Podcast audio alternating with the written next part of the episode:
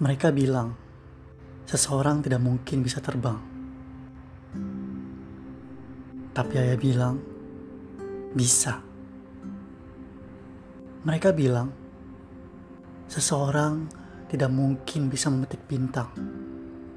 Tapi ayah bilang, bisa. Mereka bilang, seseorang tidak mungkin bisa mengejar matahari. Tapi ayah bilang, bisa. Mereka bilang ayahku pembual. Tapi aku tidak peduli. Aku percaya ayah. Mereka bilang aku hanya pemimpi.